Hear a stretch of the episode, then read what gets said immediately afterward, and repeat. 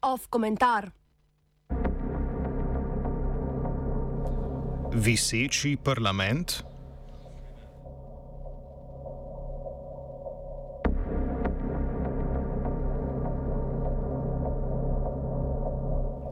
Če imaš vrt in knjižnico, imaš vse, kar potrebuješ, je modroval Mark Tully Kikero ali Cicero za mnoge največji retorik antičnega Rima.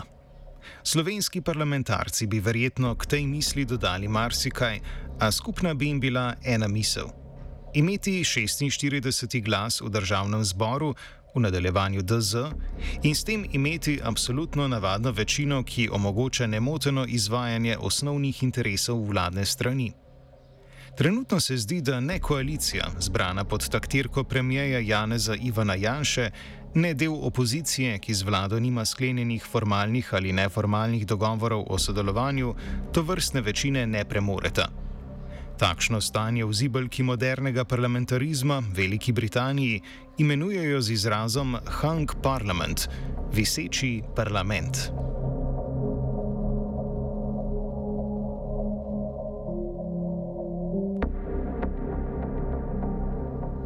O visečem parlamentu lahko pri nas govorimo predvsem zaradi nekaterih izidov glasovanj v DZ. Najprej je propadel prvi od zaenkrat dveh poskusov koalicije, da bi odstavila predsednika DZ Igorja Zorčiča. O odstavitvi je takrat glasovalo 47 poslancev. 45 jih je glasovalo za, dve glasovnici sta bili neveljavni. Na to je padla v vodo redna majska seja, ko je bilo prisotnih 84 poslancev in poslank, vendar je podpora za dnevni red majske redne seje znašala zgolj 42 glasov. Treba je sicer omeniti, da so bili trije od šestih manjkajočih poslancev iz vrst koalicije, eden iz vrst opozicijske SD, preostala dva glasova pa sta pripadala manjšinskima poslancema. Sledila je izredna seja, na kateri so poslanci glasovali o ustavni obtožbi Janše. Znova je zmanjkalo glasov za, saj je za ustavno obtožbo glasovalo zgolj 42 poslancev. Politično pestro obdobje se je za zdaj končalo z drugim poskusom odstavitve Zorčiča, ki je bila ponovno neuspešna. Zgodil se je isti scenarij kot v prvem poskusu.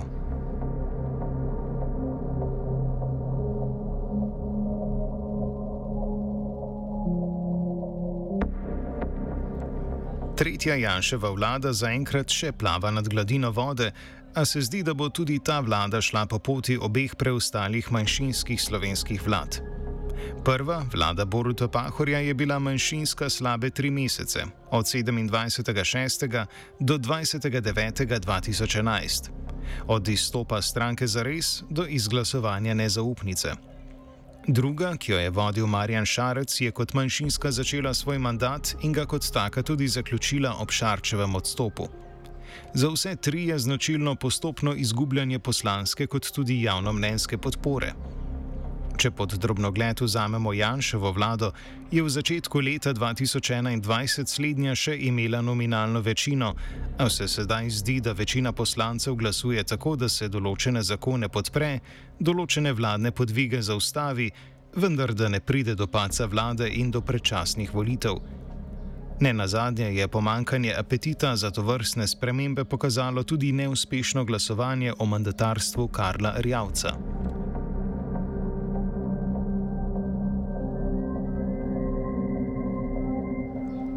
Interes strank na vladni strani je, da bi bile naslednje volitve redne volitve leta 2022.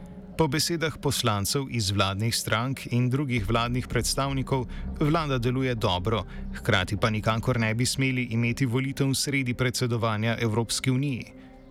Če je bilo nasprotovanje izvedbi predčasnih volitev med valovi pandemije še moč razumeti in celo podpreti, so novi izgovori sedaj, ko precepljenost počasi, a ustrajno raste, brezpredmetni.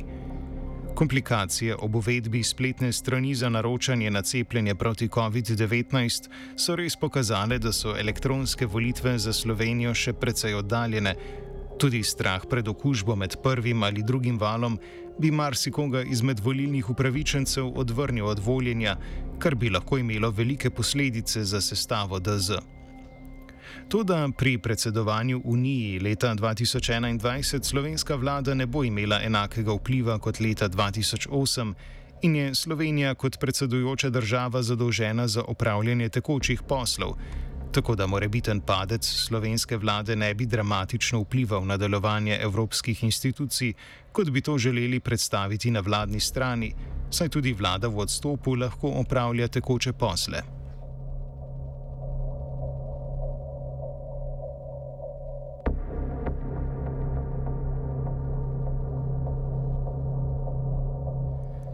Veliko bolj verjetno je, da za odlašanjem volitev leži drugačna politična matematika.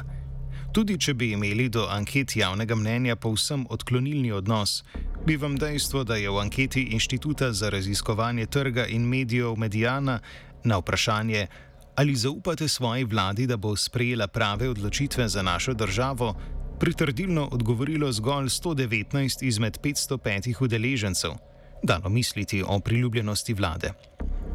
V primeru, da bi se predčasne volitve odvile v kratkem, bi vlado najverjetneje sestavljala trenutna opozicija, vladne stranke z eno izjemo pa bi izgubile voljivce.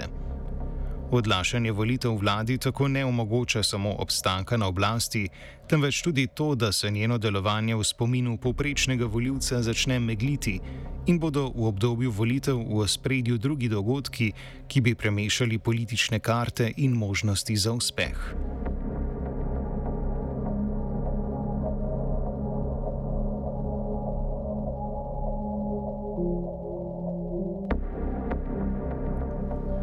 Opozicija si prizadeva za predčasne volitve, ne zgolj zaradi želje po prekinitvi praks trenutne vlade, ampak zaradi zavedanja, da bi negativno ljudsko razpoloženje do vlade omogočila velik volilni uspeh ob sicer slabi tržnosti strategij in programov opozicijskih strank. Opozicija po večini ostaja pri osnovah in preverjenem bojnem kriku: Samo da ni Janša! Morda bi vendarle bilo bolj smiselno počakati na redne volitve, izpiliti strategije za približevanje ciljnemu volilnemu telesu in politične programe, kot je to nedavno storila Levica. Ne na zadnje bi bilo slednje smiselno tako za stranke, kot tudi za državo, ki bo v post-COVID časih potrebovala jasno začrtane smernice razvoja v smer dobrobito državljanov in državljank, kar je po Ciceru smotr države.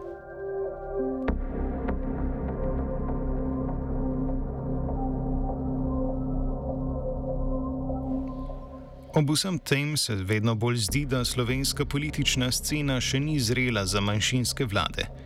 Pojavljajo se težave že pri sestavljanju vlad in usklajevanju interesov, da vedno večje polarizacije, ki deli slovensko politično sceno in onemogoča sprejemanje smiselnih vsebinskih predlogov z druge strani, niti ne omenjamo.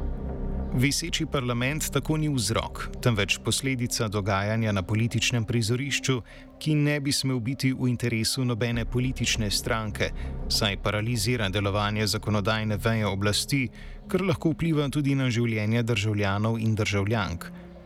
Naj nam Združene države Amerike in tamkajšnje zaustavitve vlad ne bodo za zgled. Raje naj predsednik vlade veže zaupnico vladi na kakšnega od pomembnih prihodnih glasovanj, da se stanje izkristalizira in se jasno predstavi slovenski javnosti, kam se nagibajo izvoljeni predstavniki ljudstva. Če Janševa vlada ne uživa več podpore večine poslancev, naj se ne mudoma razpiše predčasne volitve. V nasprotnem primeru pa je za vse bolje, da se stranke temeljito pripravijo na redne volitve saj je potreba po konsolidaciji vidna tako na strani vladnih, kot tudi opozicijskih strank. Ne na zadnje na to nakazuje tudi pojav vedno novih strank, ker že obstoječe morebiti ne naslavljajo vseh potreb in pričakovanj voljivcev.